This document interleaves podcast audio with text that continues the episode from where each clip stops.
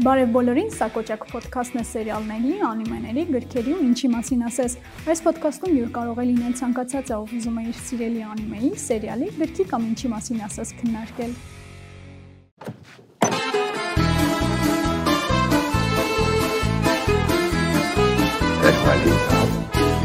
Una mattina sono stato, oh bella ciao, bella ciao, bella ciao. Sono stato trovato Ողջույն, ես Արծվիկն եմ, սա Կոճակ ոդքասթի 4-րդ էպիզոդն է։ Մի քանի շփոթ առաջ դուրս է եկել La Casa de Papel-ի վերջին սեզոնի վերջին սերիալները ու դա մենք էլ հավաքվել ենք, որպեսզի քննարկենք այդ սերիալը։ Քննարկման համար ինձ կօգնեն Սոննան, Մանվելը ու Հովիկը։ Ամենասկզբում ճիշտ է շատ-շատ բան ունենք ասելու 5-րդ սեզոնի հետ կապված, բայց ես ուզում եմ ընդհանուր խոսենք ամբողջ սերիալի մասին։ Ինչ հետաքրքիր ֆակտեր գիտեք, ինչն է ձեզ համար ամենակարևորը սերիայի մեջ, ու ինչի համար եք դուք այս սերիան ամենաշատը սիրում, կամ եթե չեք սիրում։ Ես լակասան շատ սիրում եմ համենայն դեպս առաջին երկու սեզոնները իրենց դրամատիկ լինելու համար, որովհետև մի շնչով նայվող են երկու սեզոններն էլ, բայց երրորդից համենայն դեպս ինձ համար այդ դրամատիկ վիճակները մի քիչ գնալով մարում են ավելի։ Ֆակտերից գիտեմ, որ օրինակ Տոկիոյի կերպարը վերցված է Լեոն ֆիլմից Մաթիլդայի կերպարն է, այդ կերպարի հիմքով է ստեղծվել ու նաև գիտեմ, որ երրորդ սեզոնում, երբ որ են փողերը թափվում էին, իրենք շատ դժվարությամբ են այդ կադրը ստացել, այդ տեսարանը ստացել, որովհետև եղանակը շատ վատն էր ու այդ անդադ պիտի գետինը չորացնեին, որ կարողանային այդ կադրերը ճիշտ ստանալ։ Մոտ 100 դուբլա։ Հա, շատ շատ դժվար են ստացել այդ կադրը։ Երկրորդ սեզոնի հենց ավարտում, որ արդեն վերջացել է անցագործությունը, արդեն բոլորը դուրս են գալիս, որը որ այդ դետալը որ չեմ նկատել ու արդեն սերիալ ավարտելու վերջում նոր նկատեցի, որ բոլոր կերպարները դուրս են գալիս իրենց քաղաքի կերպարներով, այսինքն տեսքով Տոկիոն դուրս է գալիս իր մազերը երկու փայտիկներով կարմիր շորերով եւ այլն, մի քիչ Ռիոն դուրս է գալի սկեյթբորդը ձեռքին, ավելի շատ Ռիո դե Ժանեյրո այդ կերպով ունացած կերպարներն են դարձել։ Հա, ու նշեմ, որ օրինակ իրենց անունները հենց տան շատ սպանտաննի է եղել, երբ որ ռեժիսորը ուզեցել է մտածի ինչ կարելի անել, ինքը ուղղակի մի օր եկել է աշխատանքի Տոկիո Մայկայով, Մայկայով, որի վրա գրված է եղել Տոկիո, այդ է եղել գաղափարը, որ ինքը սկսել է հերոսներին տալ տենց անուններ, քաղաքների անուններ, ու մեկ էլ նշեմ, մենք մտածում ենք, որ պրոֆեսորը չունի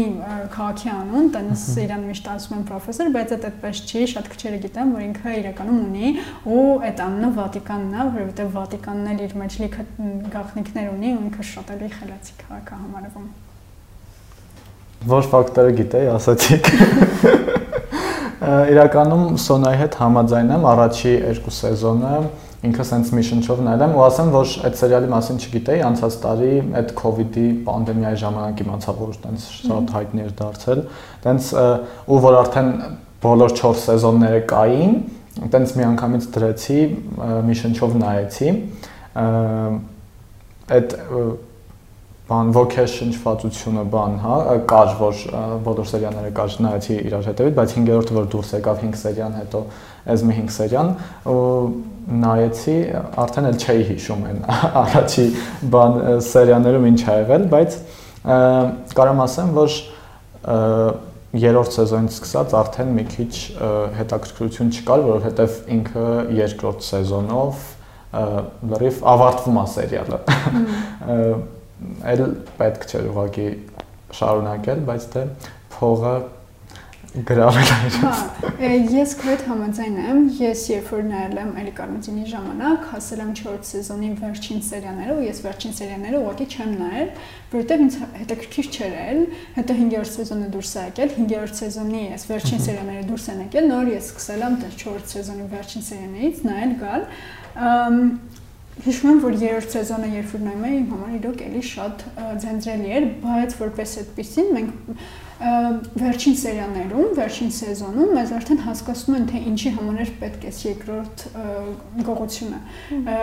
Խոսքը մենակ Ռիոյի ու Գումարի մասին չէր էլի, իրանց պետք էր նոր կյանք ու պրոֆեսորը կարողացավ նենց անի, որ իրանց էլ չեն հետապնդում ու իրանք ունեն նոր կյանք։ Չնայած եթե խոսենք այդ մասին, ինձ շատ հետաքրքիր էր արդյոք այն ժամանակ երբ որ իրանք նստում են վերտալյոտ ու գնում են իրանց տան շատ լավ ապագայա ստպասվում, թե տանում են ինչ-որ բան անեն, այսպես ասած, որովհետև մեզ ցույց չեն տալիս, մեզ հա ցույց են տալիս, որ շատ ուրախ են բոլորը եւ այլն եւ այլն, բայց Իրենք եղան են հանցագործներ ու կապ չունի այդ ժամանակ արդեն մի քիչ абսուրդ էր, եթե նույնիսկ պրոֆեսորին սպանեին ու Պակիստանի հակերները ասեին, որ այդ ոսկիները կեղծ են, ոչ բոլորը կհավատային, որովհետև ինտերնետում ամեն ինչ ասվածը չի, որ ճիշտ է։ Չգիտեմ, իմ մոտ մի քիչ տենց հարցը արդյոք գնացել են, արդյոք ողջ են թե չէ, բայց ես համաձայն եմ հիմա շատ ուրախ եմ ավել ճիշտ, որ էլ չի լինելու ոչ մի սեզոն չի լինելու, որովհետև ռեժիսորը ուղղակի իմացավ, թե որտեղ կարելի է կանգ առնել։ Այդ այդ ուրախանալու փաստ է։ Ես հակառակը հույս ունեմ դեռ, որ մի բան կանեն, չնայած շանսը շատ քիչ է առանցին նկարելու էին։ Բերլինի համար, որովհետև տեսեք, երկրորդ սեզոնից հետո Բերլինի այնքան ֆանատներ են եղել, այնքան սիրողներ են եղել այդ կերպարի, ավելի շատ քան մյուսներին, որ ռեժիսորները ստիպված են եղել մյուս 3, 4, 5 սեզոններին համարյա ամեն էպիզոդում իրան ինչ որ դեր տան, որ որովհետեւ մի կադրում ինքը խաղա։ Ես միշտ ասում եմ, որ ոչ մի վարկյան առաջ չի կարելի տալ, որտեվ ամեն ինչ ինչ որ crucial է լինում, շատ կարևոր պահ է լինում, որ հետո գալու է պահ, որ չհասկանանք ու այն դրա պատճառն անելու ու միշտ ում խորհուրդ եմ տվել նայել, միշտ ասում եմ առաջ չտակ բայց եթե նայենք Բերլինի տղայի կերպարը ու իր պատմությունը, ընդհանրապես ոչ մի իմաստ չի, եթե իր կերպարին ընդհանրապես հանեինք, ընդհանրապես որ չլիներ ոսկիները, որ ինքնա վերջում գողանում եւ այլն, ահագին ժամանակ սերիալից դուրս կգար ու ոչ մի բան չէր փոխվի, որովհետև եթե այդպես մակերեսային նայենք, ընդհանրապես իր կերպարը ոչ մի ազդեցություն չունեցավ ընդհանուր սերիալի վրա, բացի նայած ինչ որ plot twist եղավ, ուսենց բոլորը զարմացան, վաու ինքներ փաստորեն գողացը։ Ես չէի սպասի տենց բան, այդ ինձ թվում է 5-րդ սեզոնի ամենամեծ ցենց բանն էր, բայց ընդհանուր ոչ մի իմաստ չունի։ Ես անդադ սպասում էի, թե Բերլինի տղային երբ են մտցնելու այս իրականություն, որովհետև սովորական չէր էլի, տենց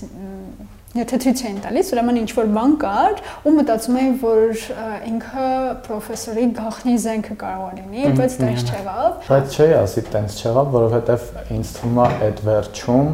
պրոֆեսորն էլ հենց կազմակերպել ոսկու գողությունը, որովհետև ինքը հաստատ մտածելա, որ եթե ինչ որ մեկը բռնվի իրանցից, կարող է եւ ասի ոսկու տեղը ու ինքնա իմ կարծիքով ինքն է կազմակերպել այդ գողությունը, որովհետև որ եկան այդ կեղծ ոստիկանները բան իրանց դրեցին ավտոյի մեջ, հետո ինքը, չէ, մարդկանց ասեց, որ վայ, բա ինչի այսքան ժամանակ մեզ չեն տանում բան, ու որ եկան ինքը ասեց, եկեք չկրակենք, հանձնվենք, ու հենց այդ սեզոն սերիայի անունը Family Tradition էր։ Ինձ թվում է այդ հենց այդ թղթի վրա էլ որ ցույց չեն տալիս ինչա գրած, հենց այդ է գրած եղել, չեմ հիշում, երևի 4-րդ սեզոնում էր, թե 5-րդի առաջին սերիաներում որ գողություն անել ասովորացնում Բերլինը իր տղային, որ գցում է գետը, բան, հենց այդ տրադիցիայի հետ է ինձ թվում կապում։ Իրականում հա, տենց հնարավոր է, բայց երբ որ ես ամեն անգամ նայում էի պրոֆեսորի զգացմունքները, թե ինքը ոնց էր արձագանքում ոսկիների կորելուն, չգիտեմ, կասկածում եմ, որ դա իր կազմակերպածը կարող է լինի։ Ես դες չեմ կարծում, որովհետև եթե նախորդ ամեն ինչ պլանավորած լիներ, պրոֆեսորը Տոմային չէր ասի այն դրամատիկ տեքստը, որը որ ասեց, ասում էր, որ արյունը չես կարող փոխել, գենետիկան չես կարող փոխել ու ես գող եմ, իմ եղբայրը գող է, իմ հայրը գող էր ու ես հուսով եմ, որ ես կլինեմ մի օր գողի հայր, այսինքն իրենք չէին պլանավորել այդ ամեն ինչը ու այդ շատ սպոնտան ստացվեց, բայց քանի որ կանխատեսելի էր ամեն ինչ, որովհետև մենակ Բերլինի տղան գիտեր այդ ամբողջ պլանը, ինքը ժամանակ եղել էր Բերլինի ու պրոֆեսորի կողքը, դժվար չէր կռահել, որ ինքը կարող է այդ ամեն ինչը արած լինի վերջում որ նայեցի, մտածում էի լավ, ինչ կարող է գրված լինի այդ ընտանեկան տրադիցիաների մասին հնարավոր է, բայց չեմ կարծում էլի, որ այդ կարար Հանիսյանար փաստ, որ տենց հեշտությամբ աներ ու Բերլինի տղան տար, որ սցենարիստներն էլ չեն իմացել ինչ գրեն այդ թղթի վրա, որ հերոստատիտողին տենց բան 100% համոզի դրա համար ցույց չտվեցին որ ասենց իրականում սցենարիստների համար ասեմ ասենց էլի փաստ որ սցենարը գրվել է ամենասկզբում ոչ մի սցենար չի եղել սցենարը գրվել է ամեն անգամ ամեն սերիալից հետո տեսել են ինչ արձագանք են տալիս օրինակ դիտողները ու գրել են հաջորդ սերիան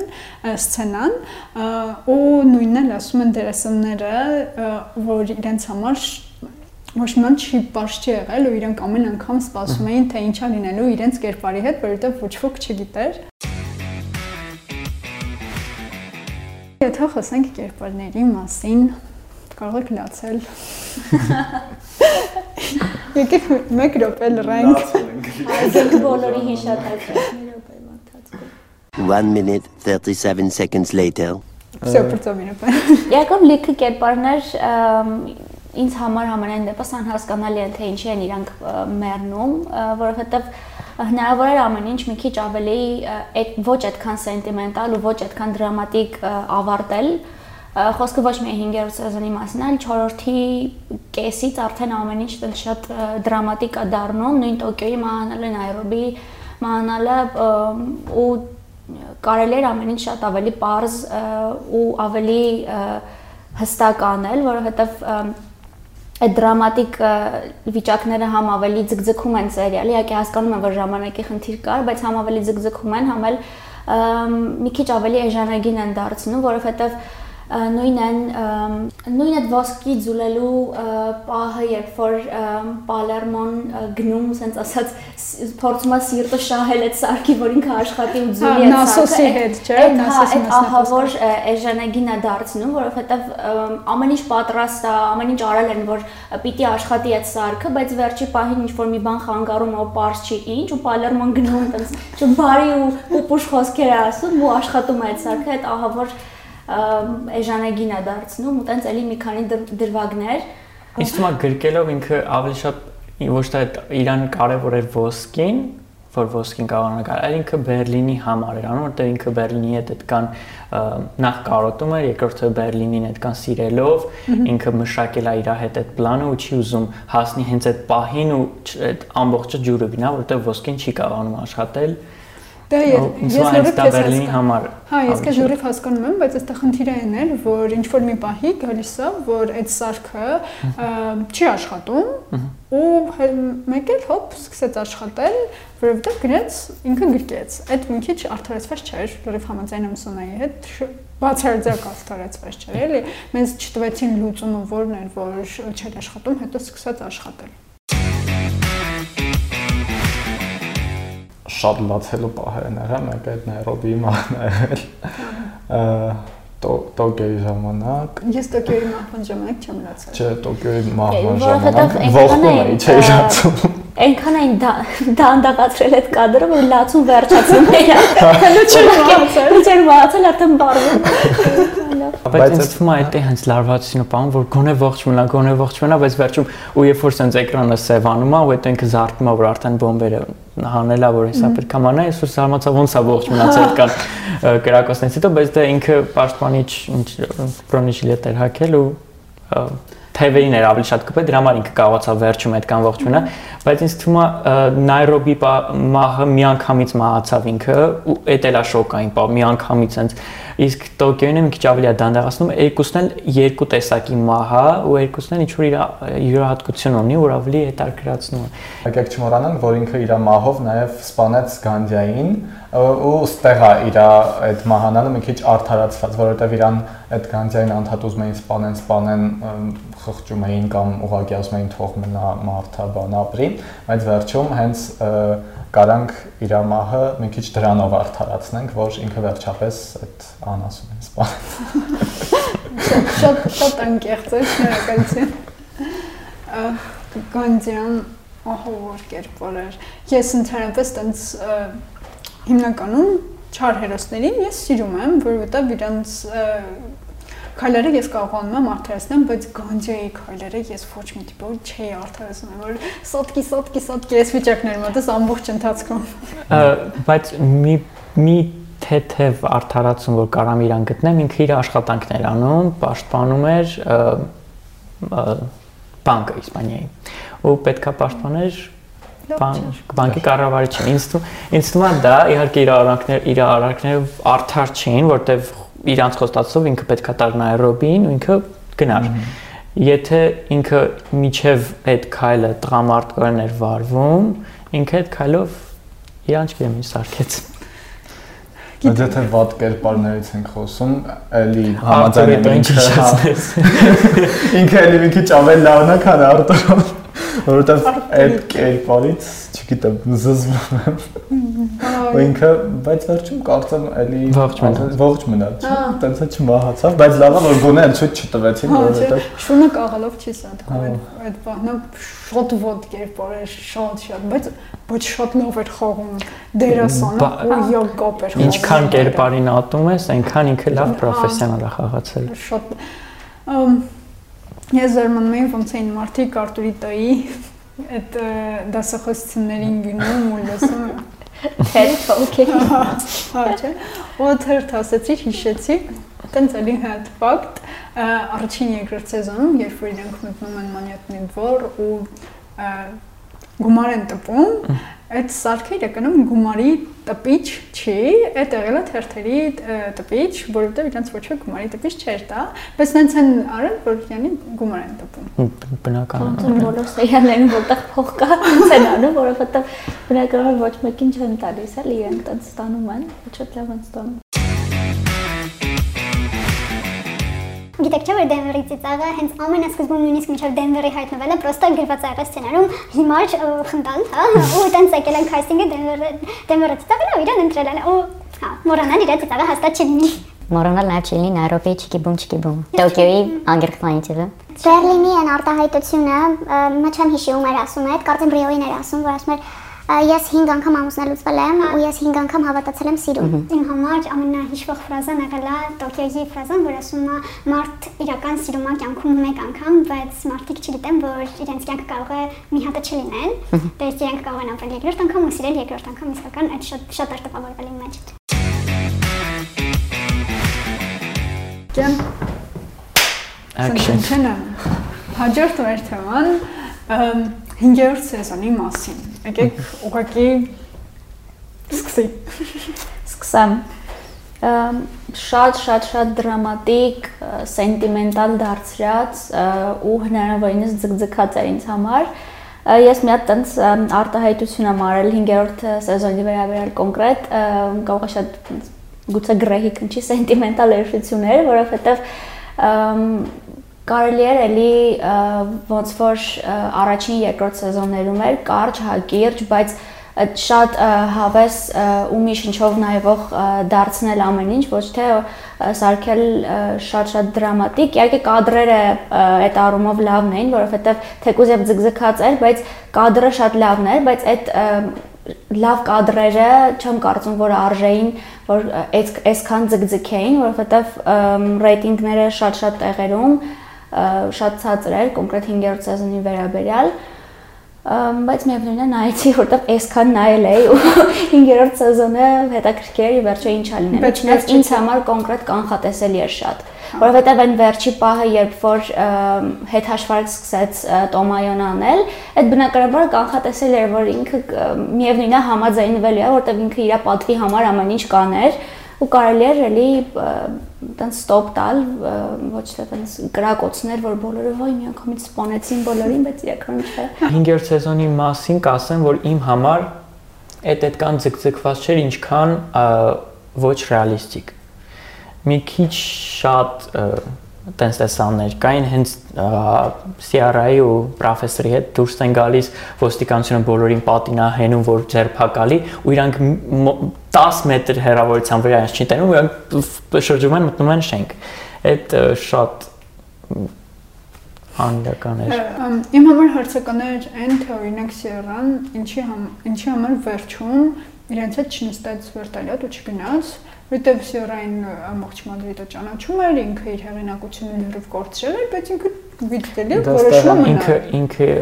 10-րդ սերիայում ասաց, որ ես Մադրիդի շատ եմ սիրում։ Դե հա, է հենց դրա համար էլ որ իր ինքը- սիրտը պատկանում է Մադրիդին ու ինքը չի կարա այդ քաղաքից հեռանալ, ինձ թվում է դրա համար թողեցին այդտեղ։ Բայց հիշում եք, չէ, ինքը որ ասում էր, որ իր կարիերան իր համար ամեն ինչ է նշանակում, բայց այտենց փաստացի ինքը էլ չուներ կարիերա, բայց ինքը ուղղակի որոշում է մնալ։ Իր կարիերան ավարտվեց այն պահից, երբ որ ինքը պրոֆեսորին սկսեց օգնել է։ Դա հա։ Ա, Շատ-շատ բացեր կային 9-րդ սեզոնում, մեկը օրինակ Հելսինկին, ում որ ասում են, որ ինքը երևի կմնա հաշմանդամ, բայց երբ որ իրան ստանում են տենց մեշուկների մեջ, 24 ժամ հետո ցույց է տալիս, որ Հելսինկին իր համար քայլում է, ուղղակի մի քիչ կաղում է։ Կներեք ոնց։ Իրա ոդկը պիտի կտային։ Շիրված է որտեղ ուսք։ Ա, Այդ շատ абսուրդ էր։ Նույնն էլ ա, բաց էր այն թե երբ որ մտնում են ոստիկանները ու բռնում են բոլոր բանդայի բոլոր մասնակիցներին, ուր են կորում այն մարդիկ, ովքեր ոսկի էին զոհում կո- մոռացան իրանց մասին, հա։ Իրականում այդ պահը ինձ թվում է այդքան էլ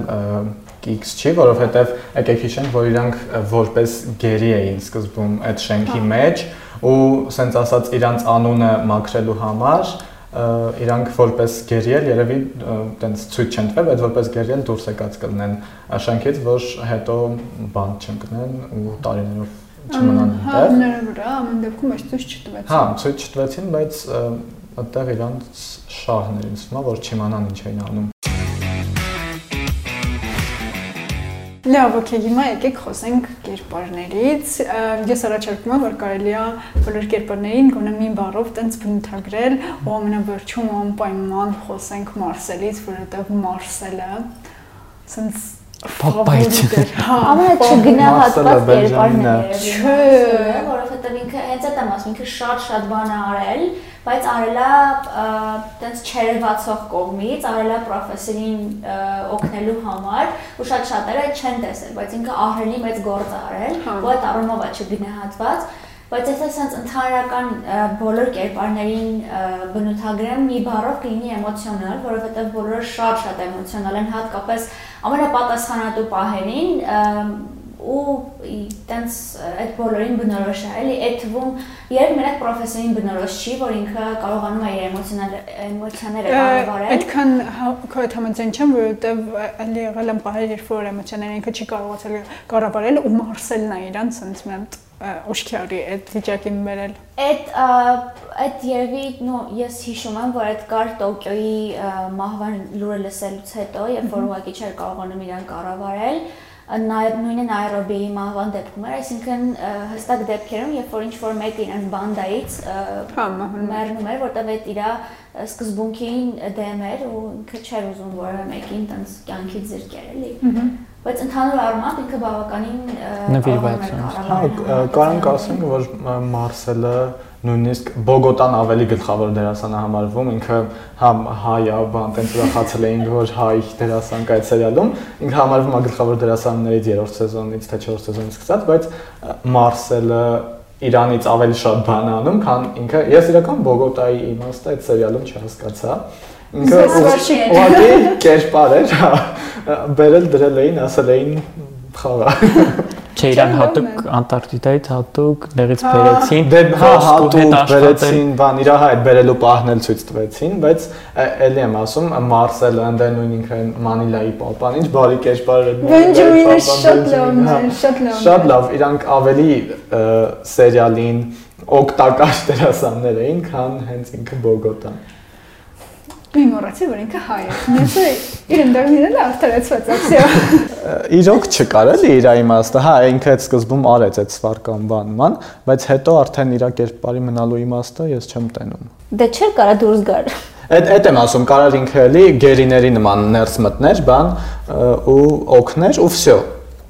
էլի դուրս գար իր անունն էլ դաժե չլներ։ Բայց կար, բայց իր անունը, անունը կար, կարդաց Տոմայոն։ Լավ, ինչ եք կարծում հիմա ձեզ համար երկրորդ սեզոնից հետո պետք է լինեն երկրորդ փողոցները թե՞ չէ։ Իրականում ես այն սկզբում եմ որ խոսում էի, ասացի, որ ինքը երկրորդ սեզոնով սերիալը թույն ավարտվում է։ Մենք դաժե կարենք չսպասեինք ուրիշ սեզոնների բայց իրանք կարեցան նենց սկսեն երրորդ սեզոնը, որ էլի գրավեն մեզ, այսինքն երրորդ սեզոնը սկսեց այդ գողությունը սկսեց նրա համար ոչ թե որպես ուղակի գողություն, այլ իրանք դրանով ուզում էին փրկեն Ռիոին։ Եկեք չմոռանանք նաև, որ սերիալում լիքը պահեր կան, որ մենք տեսնում ենք, որ իրանք այդ ամեն ինչը ոչ թե ուղակի փողի կամ ոսկու համար են անում, այստեղ մարդկային արժեքներն են իրանք գնահատում ու Ռիոին փրկելն էր իրանց հիմնական այդ գողությունը սկսելու իմաստը։ Ոչ նաև ոչ միայն դա էր, այլ նաև պրոֆեսորի ցանկությունը, որտեվ այդ վերջում ենք իմանում 5-րդ սեզոնում ես ինձ ուշադրություն դարձնում դետալներին որ պրոֆեսորի հայրը բարձրամա որ ուզեցել է միշտ Իսպանիայի բանկը գողանա ու դա երբ զենց թվացել է անիրական ինչ որ գողություն բայց պրոֆեսորը ինքը ներքուս ոչ այդքան ռիոյի համար այլ սեփական իր ցանկությունը ոնց որ այդ մանյատնի որն ամուսացել պրոֆեսորի Պապանգովանա Թալանի ու ինքը դարել է բայց այս անգամ Ռիոյից բացի իր մոտ շարժարիթ էր Բերլինը ու երբ որ օրակել է իրան ասում քանի օր հետո ես դու մտածել ես գողությունը ինքը ասում է մեկ կամ երկու գողությունը իր մեջ էր ինքը չէր կարող ուղղակի ոչ մի բան չանել նստել տենց դրա գումարը ֆայլել Ձեր նշած երկու պատճառներին ավելացնեմ երրորդը, որը որ ավելի կոմերցիայի տեսանկյունից է, այն որ առաջին երկու սեզոնների մասին Իսպանիայից դուրս շատ քչերը գիտեին, ինքը տենց տարածված սերիալ չէր, ու երրորդ սեզոնը սկսելը պատճառ էր նաև ու հնարավորություն էր, որ սերիալը տարածվի ու նույն երրորդ սեզոնից սկսեց Netflix-ը առնել է սերիալը ու տարածել ու իրենց համար ավելի կոմերցիոն էր ու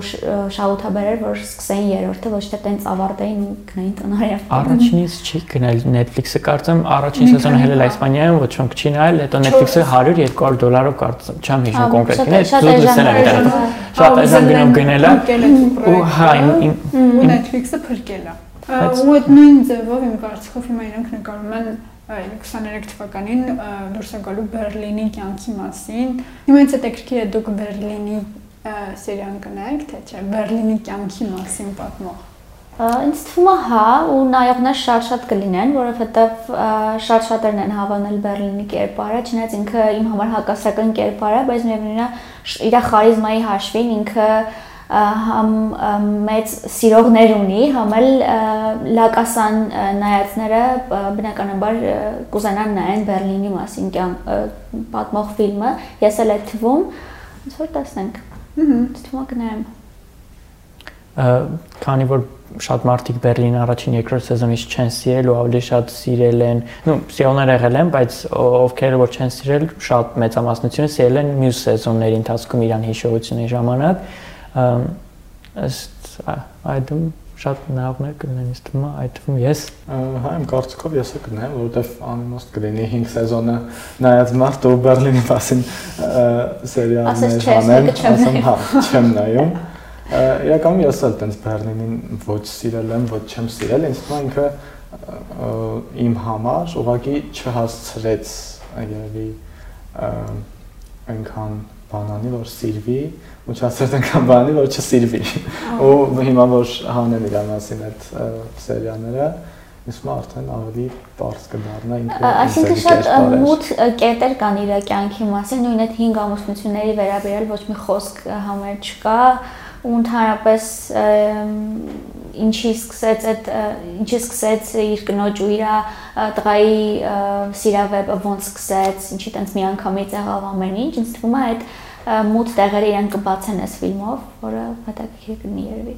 Հուսանք։ Ու Բելաչոն, ես գիտեմ որ բոլորը գիտեն, բայց Բելաչոն լակասայի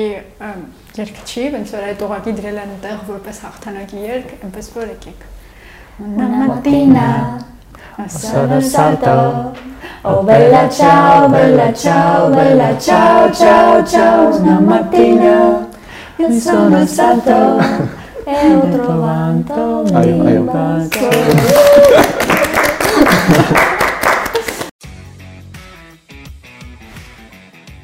Վերջ այսքաններ այսօրվա մեր հաղորդումը, շնորհակալություն մեզ լսելու եւ դիտելու համար։ Դե իսկ եթե դուք ունեք մտքեր, ինչ կարելի է քննարկել հաջորդ անգամ, գրեք մեզ եւ եկեք քննարկման